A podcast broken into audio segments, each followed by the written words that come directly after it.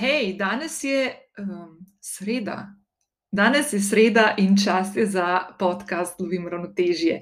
In blazno vesela sem, uh, prav napisala sem si, da ne bom uh, narobe rekla. To je prva epizoda druge sezone ali 57. epizoda po vrsti.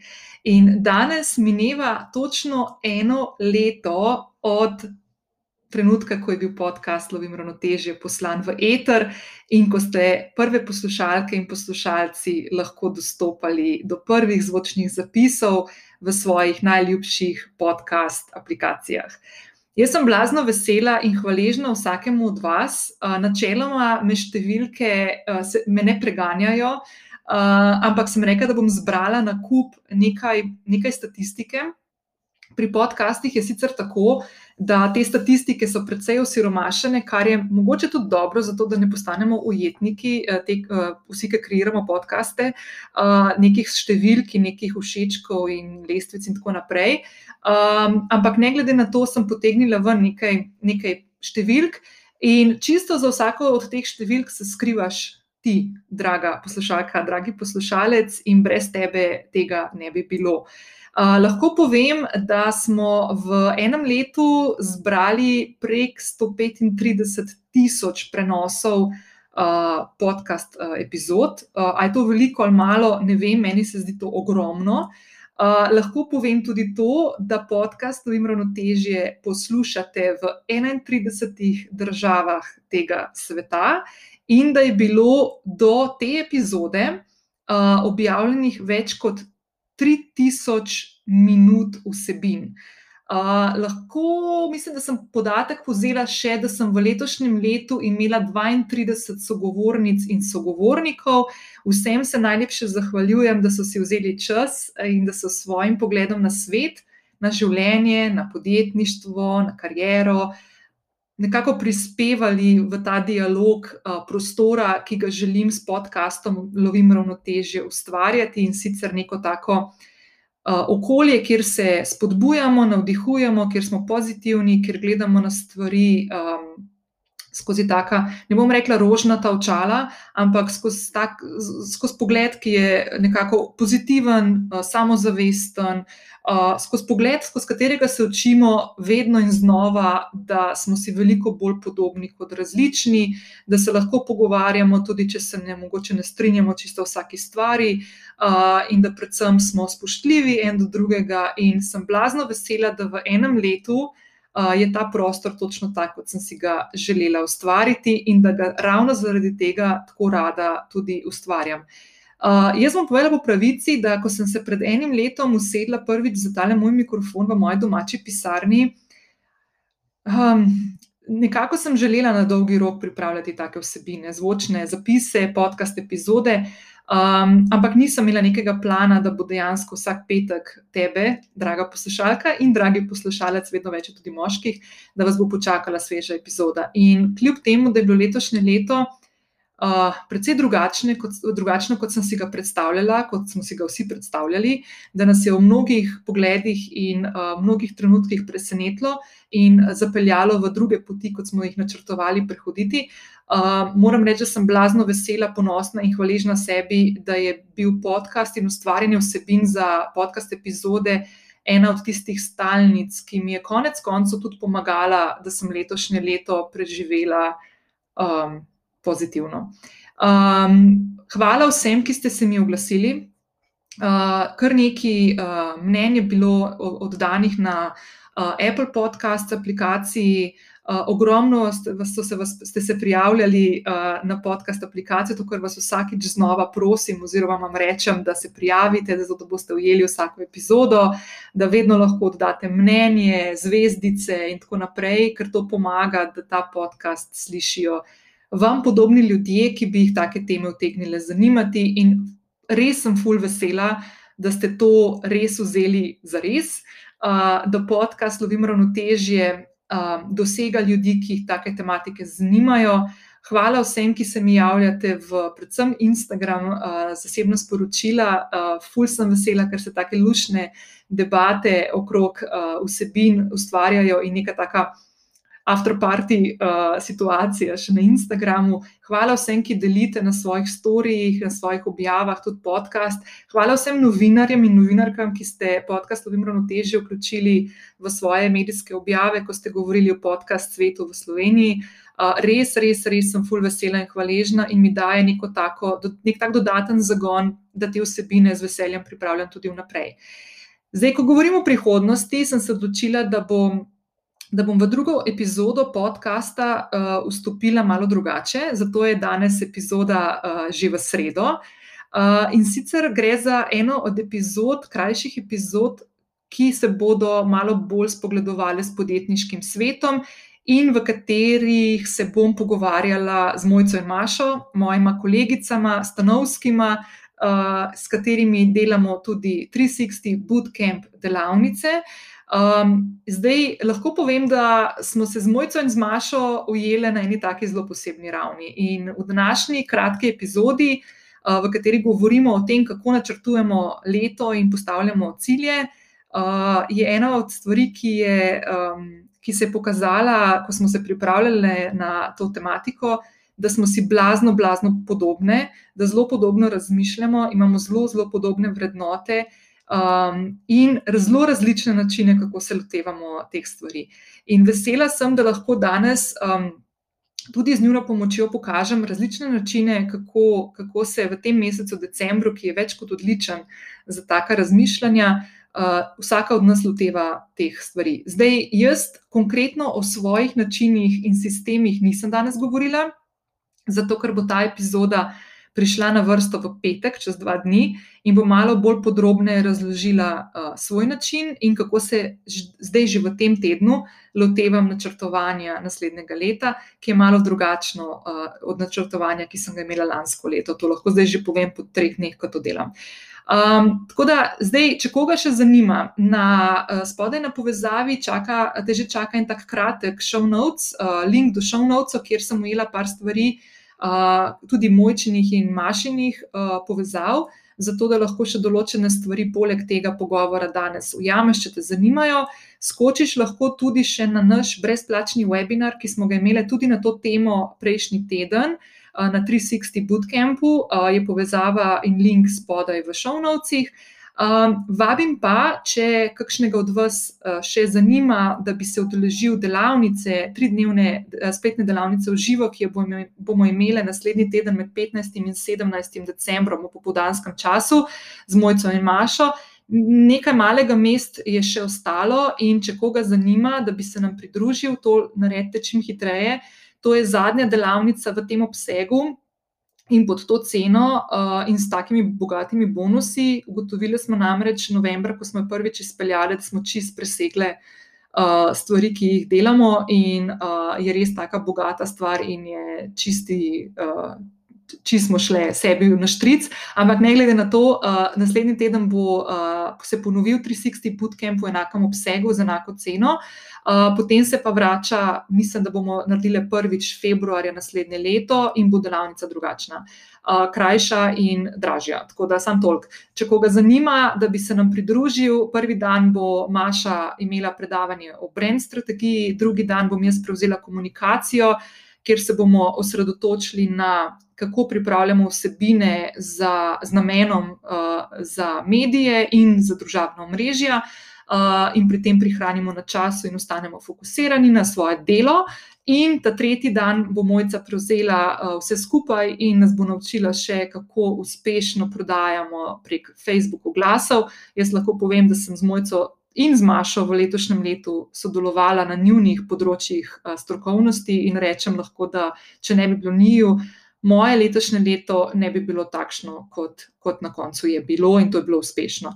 Tako da to je to. Uh, zdaj te vabim, da skočiš z mano v pogovor, da preveriš, kako se načrtovanja leta in ciljev lotevata Maša in Mojca, na kakšne načine. Uh, nekaj orodij uh, sem povezala tudi dol v šovnovcih, tako da jih lahko tam najdeš, in ti svetujem, da skočiš še tja.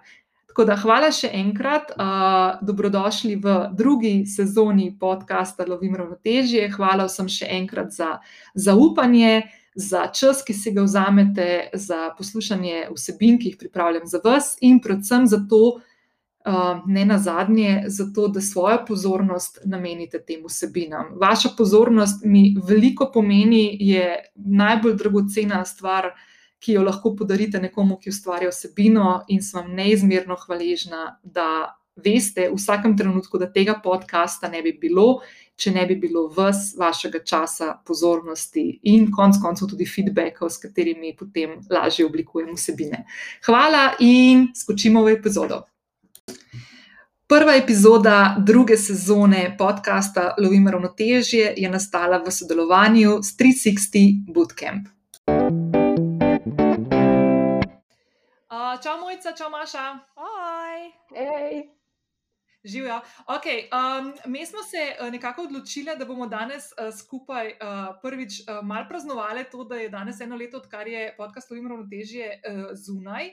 In sem se odločila, uh, predvsem zato, ker v zadnjem času uh, se veliko pogovarjamo, organiziramo razno razne vsebinske uh, kurse in webinarje in tako naprej, da odpiramo uh, tudi pod 360 Bootcamp, kar je naša krovna delavnica, tridnevna, spletna, uh, da odpiramo eno tematiko enih takih krajših podcast epizodic, bonus epizodic. Uh, v katerih bomo uh, skupaj strnili razmišljanje na, različ na različnih področjih, ki se dotikajo naših podjetniških poti. In danes uh, začenjamo, uh, ker je ravno decembr, pa se bliža konec leta. Uh, sem rekel, da je bilo fulfino, da malo poustvarimo tisto vzdušje, ki smo ga prejšnji teden naredili na webinarju, uh, na katerem se nam je pridružilo tam malo čez 200 ljudi, ki je gledalo na koncu, um, in sicer o načrtovanju leta in postavljanju ciljev. Pa bom zdaj jaz najprej uh, prosila Mašo, da mal pove, kaj, kaj tisto, Maša, kar delaš zdaj v tem trenutku, oziroma imaš plan še v decembru narediti, da se boš dobro pripravila na naslednje leto. Kaj so tiste neke, neke rutine ali pa neke navade, ki jih imaš, ki so se ti izkazale za učinkovite in potrebne. Ja, jaz začenjam letos zelo počasi, ponovadi se tega lotevam že novembra.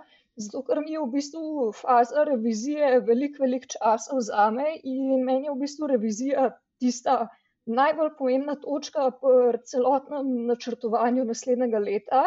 Tako da jaz v bistvu prve tedne te zadeve počnem, zdaj mislim, da jih mineva en teden, odkar sem začela.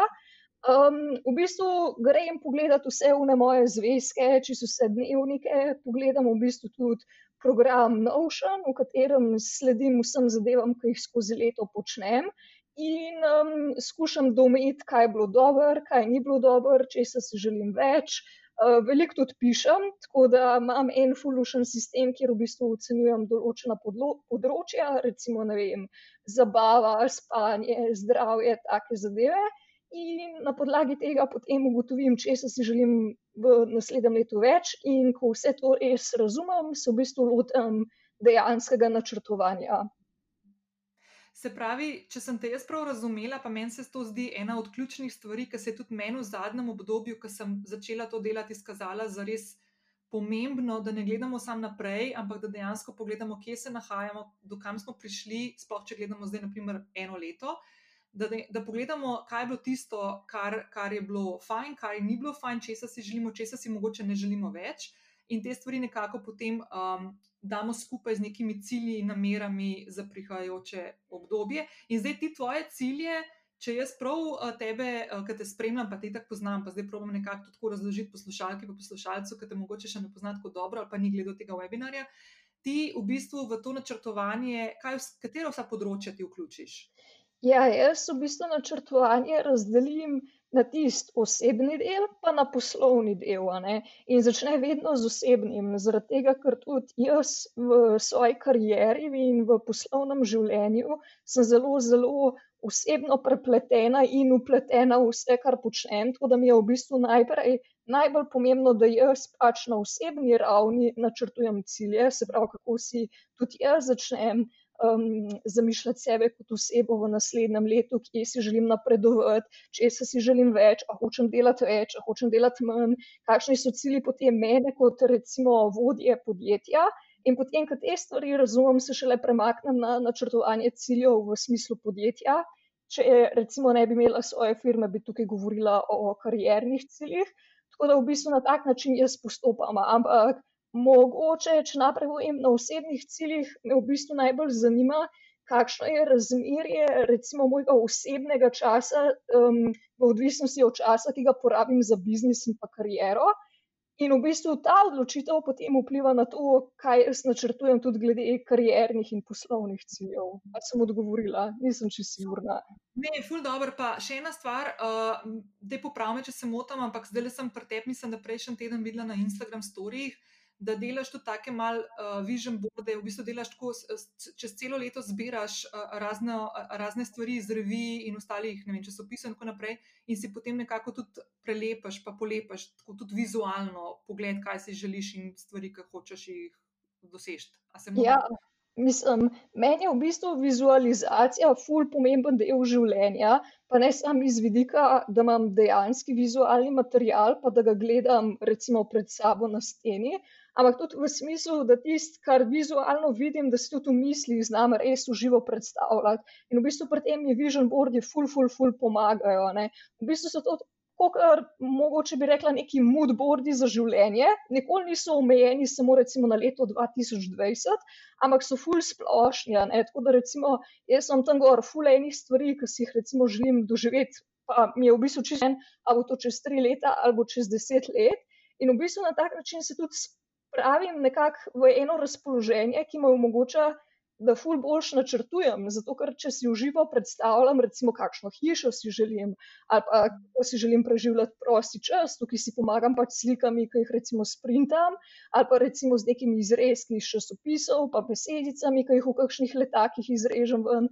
Na tak način sem potem lahko ful bolj konkretna pri tisti vizualizaciji v glavi, ki mi potem pomaga, da tisti cilji, ki jih tudi na papir napišem, da so dejansko ful bolj motivacijski, da niso samo pač neka teorija, kaj bi bilo fino, da doživim, ampak so dejansko tako, a veš, iz srca pridajo. Ne? In je čist drugače, če imaš ti neke cilje, ki so res strastni, ki jih res vidiš na čist vseh aspektih, kot pa če samo napišeš neko zaobljubo. Se mislim, da nobena tukaj ne verjame v zaobljube. Ne?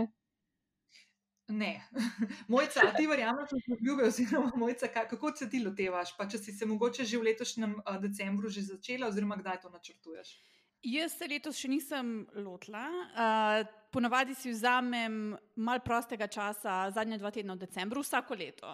Uh, dobesedno ekipi pač rečem, gledaj, ne, vi skrbite zdaj v zadnjih dveh tednih za stranke, medtem ko se jaz fokusiram na uh, super spicy media in dejansko pač neko revizijo, nek review, kaj smo naredili uh, in kaj it naprej. Z razliko od Maše, pa moram reči, da recimo jaz pa, medtem ko Maša full loči profesionalni del, pa osebni del, uh, je pri meni to vse skupaj prepleteno. Jaz imam pač en tak mes v Notionu, kjer imam noter uh, vse od um, nekih ciljev v prihajajočem delu, pa review-ja, seveda, seveda, kaj smo. Pre, uh, Dosegli v preteklem letu, uh, do tudi nekih osebnih ciljev, ki bi jih sama mogoče hotla doseči, ki niso mogoče tako vezani uh, na kariero, pa na podjetje, ampak ker konec koncev sem nekako obraz Super Spice Media se vse tako prepleta, da pač enostavno uh, kar vse skupaj skombiniram.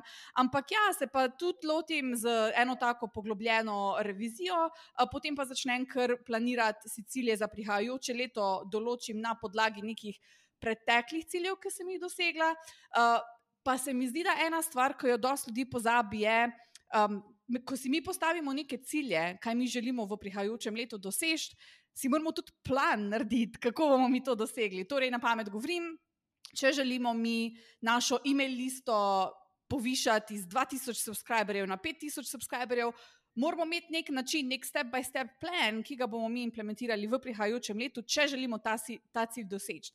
Ker uh, cilji brez nekega postopka, kako bomo cilje dosegli, uh, je pač enostavno, jaz temu rečem, kar lutanje. Tako da imamo zaprte oči, pa pač poskušamo nekam priti, se ne vemo, niti kam gremo. Um, tako da to je tako ena nutshell, uh, kako se jaz lotim zadev.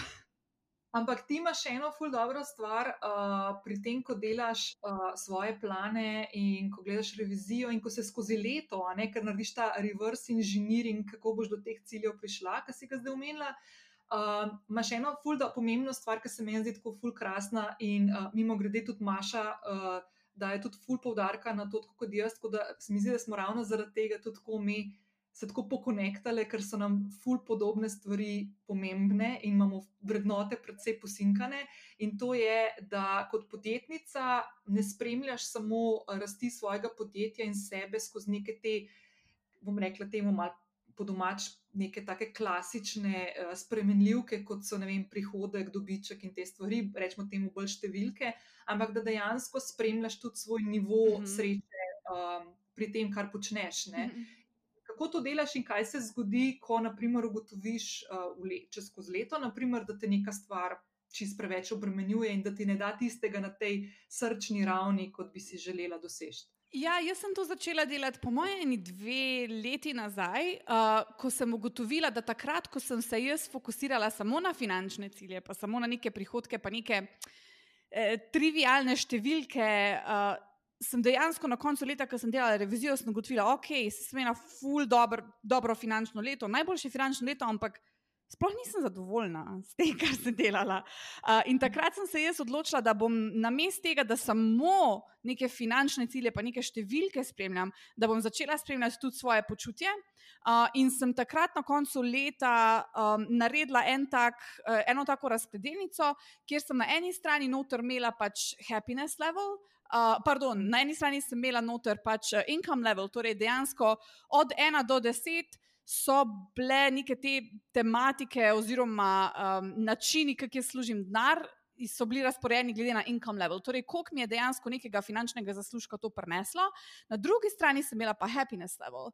Torej, ok, če ne vem, na eni strani rečemo, je client work full prinesel nekega finančnega dobička, a pa me client work res toliko osrečuje, da bi jaz to delala še naprej v takem obsegu, kot sem ga do takrat.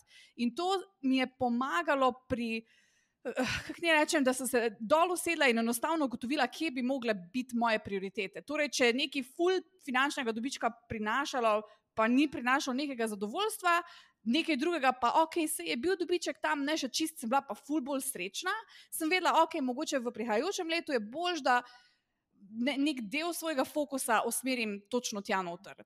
Um, tako da začne se s tem, da jaz to na letni ravni, ko začnem planirati prihajajoče leto, glede na ta happiness level, pa income level, prioritiziram stvari.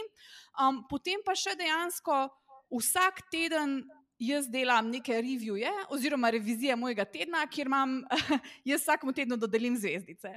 In imam od ena do pet zvezdic, in takrat dejansko vidim na podlagi tega, kar sem tisti teden delala, Jaz ocenim konec koncev svoj teden, na koncu tedna, kako sem se počutila, in lahko vidim, ali me je tisto delo osrečevalo ali ne.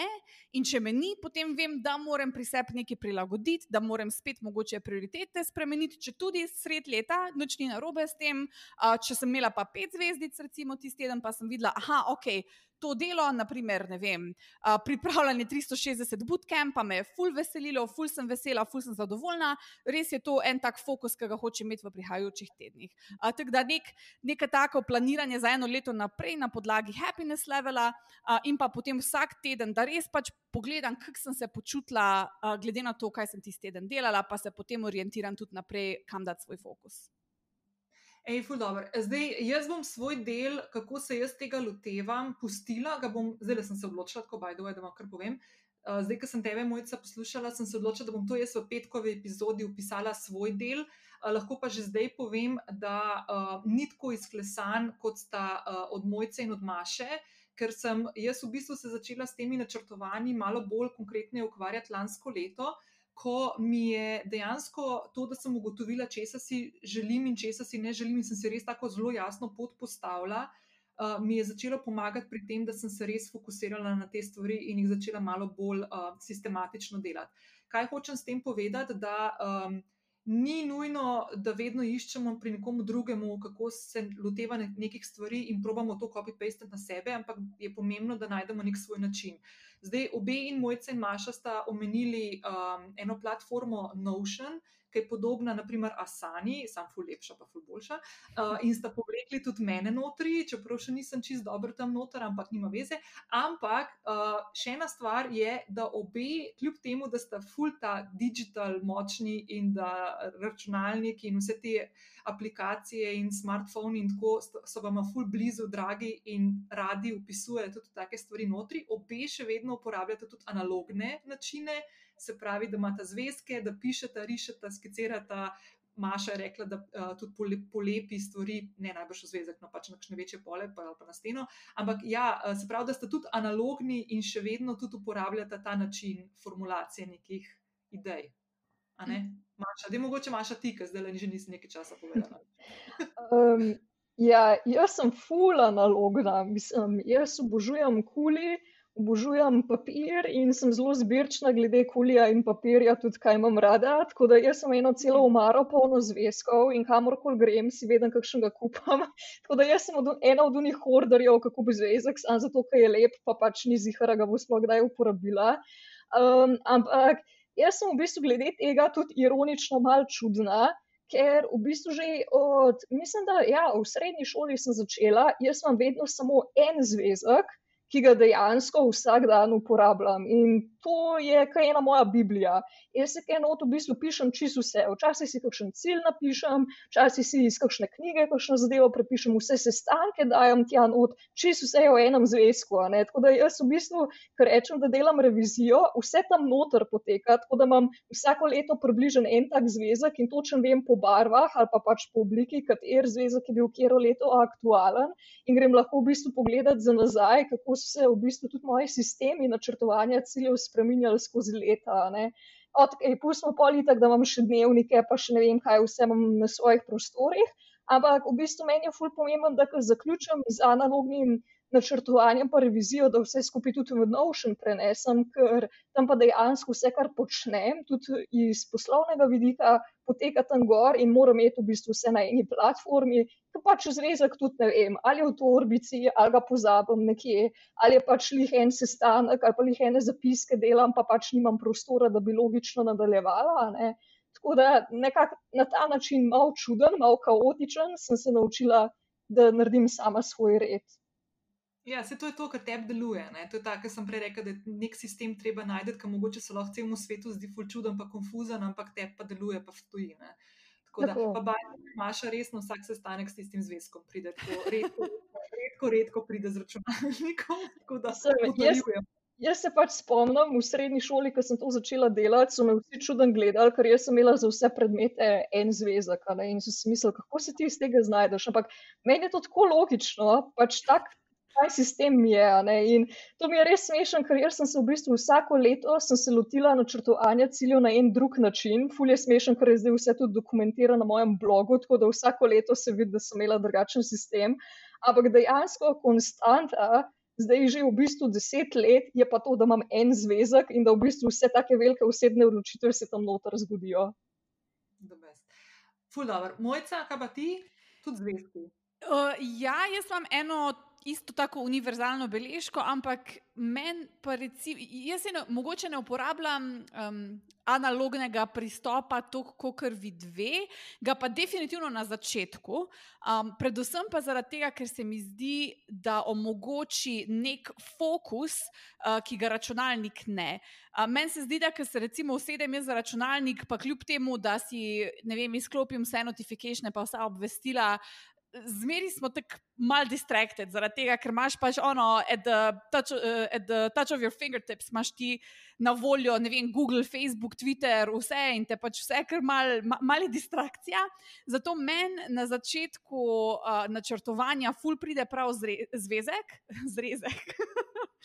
um, Ful pride prav zvezek, da se dol usedem, uh, dejansko si natočim kozarc vina uh, in si vse izpišem, kar imam v glavi. In tako začnem neko načrtovanje za prihajajoče leto. Um, se mi zdi, da vsi, ki nekako pridemo, rečemo v decembr, se nam je čez leto nakopičilo v glavi milijon nekih idej, milijon nekih misli.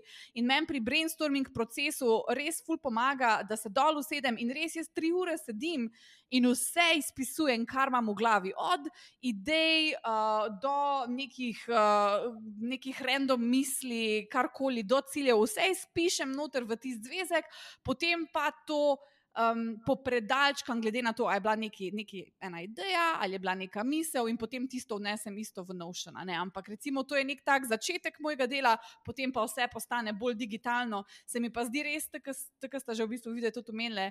Ta analogen pristop se mi zdi pomemben za mene, predvsem na začetku, ker vse tiste distrakcije stran oduzame, ki jih predstavlja pač računalnik in mi dovoli, da se pač fokusira na tisto eno stvar, kar imam v mislih, pa da tisto prenesem na papir. Ok, se pravi, če zdaj nekako tako povzamemo, bi lahko, uh, pa povedete, če se strinjate, rekli, da decembr je en tak res, ne glede na to, ali zdaj od, od konca novembra, kot dela Maša, ali od začetka decembra, kot sem se jaz lotila. Jaz lahko povem, da sem se to lotila včeraj in danes je ponedeljek, ko snemamo, se pravi, dva dni preden bo to šlo v eter. Uh, moj, uh, mojca bo začela v drugi polovici decembra. December je full tak lep mesec za delati, um, nekako tako sprehod za nazaj. Mislim, da v letošnjem letu smo toliko enih novih spoznanj, kljub temu, da je bilo manj teh možnosti potovanj in druženj in vsega, smo bili toliko bolj prisiljeni v navednicah, da smo sami seboj in da smo dejansko tako po, se povezovali sami s sabo, kot je bilo včasih malo težko. Uh, in se mi zdi, da je letošnji decembr še toliko bolj pomemben, da naredimo te preglede za nazaj, ker nam bo potem pomagalo tudi, da delamo nek pregled vnaprej. Uh, kakorkoli, kakorkoli se tega lotevamo, ali to analogno, digitalno, ali prepletamo osebno in poslovno, oziroma podjetniško življenje, ali ga ločujemo. Uh, tako da, karkoli ta zga vam pride prav, kako se boste tega lotili, super, pa jemte to, kot da je neko tako fleksibilno, agilno. To, kar smo se bomo letos vsi malo bolj naučili, kaj to pomeni, pa zakaj je to fajn. Uh, pa vsako leto je lahko malo drugače, tako da ni treba, da je zdaj zakorenjeno. Uh, bom pa še sam to povedala, da bom jaz v zapis te epizode, čez kratek, bo dala še par linkov, dala bom link do tega novšem programa, da si ga lahko pogledate, če vam bo zanimiv. Do mojčine in mašine strani, pri maši bom še polinkala na njene objave, ki jih vsak konec leta napiše, prav na to, na to temo, kako se tega loteva. Mojca, imaš tudi ti še kakšno tako konkretnejšo stvar uh, zapisano? Jaz se nimam, naprimer. No. Jaz, uh, ali, mislim, da imam celo en, eno uh, ali pa dve objavi, isto, kot sem jih napisala na koncu leta. Pa zdaj ne vem, je bilo to leto nazaj ali dve leti nazaj, tako da lahko, lahko tudi tisto pošeram. Bom jaz tisto še polinkala, super. Ok, ja, pa, pa jaz se vam zahvaljujem. A imate še kakšno stvar za dodati mogoče na to temo? Ne, to je to. Jaz mislim, da bi še v Dino v Novce lahko dodali uh, link do tistega brezplačnega webinara, kjer si lahko še potem vsi pogledate uh, malo bolj uh, pač od Maše pristop, od Nine pristop, od mene pristop, uh, spet planiranju novega leta. Ja, bom jaz to dala noter, tako da ta video, mislim, da smo le kar ene dve uri dolge, ampak si ga lahko kadarkoli ogledate na strani 360 Bootcamp. Bom dala link v show notes, tako da brez skrbi. Uh, Uh, pa, ker bomo imeli naslednjič še en webinar, uh, ste vse, drage poslušalke poslušalci, vabljeni, da se nam pridružite, tako da spremljate mene, mojce in Mašo. Pač na Instagramu najbolj, ker to ponovadi objavljamo, pa na vseh drugih platformah. No. Uh, pa uh, bom pa še povedala tudi za 360 Bootcamp, zadnjo delavnico v letošnjem letu, ki bo naslednji teden. Če še kdo želi, imamo še ene malo mest na voljo, tako da jih je treba hitro pokupiti in vzeti. Tako da, evo, to je to. Maša, mojca, uh, ful, hvala, uh, me veselilo. Hvala. Ja, tebi. enako, hvala. Slišmo, lepo bo ta. Enako. Ciao. Ciao.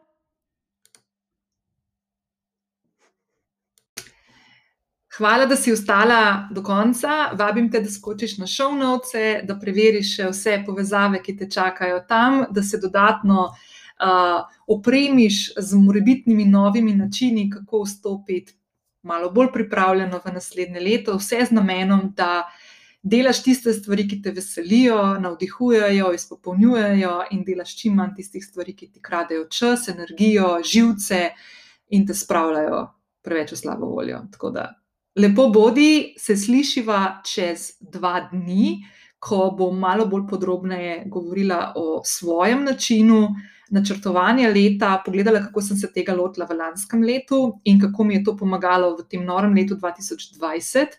uh, in kako se tega lotevam danes, leto kasneje, ko sem se še dodatno opremila z novimi znanji, izkušnjami, spoznanji, ki jih je prineslo to noro leto 2020 in zaradi katerih verjamem, da bom v leto 2021 vstopila še boljše, kot sem v leto 2020. Lepo bodi, lepo sredo, lep preostanek tega tedna in se slišiva v petek. Ciao!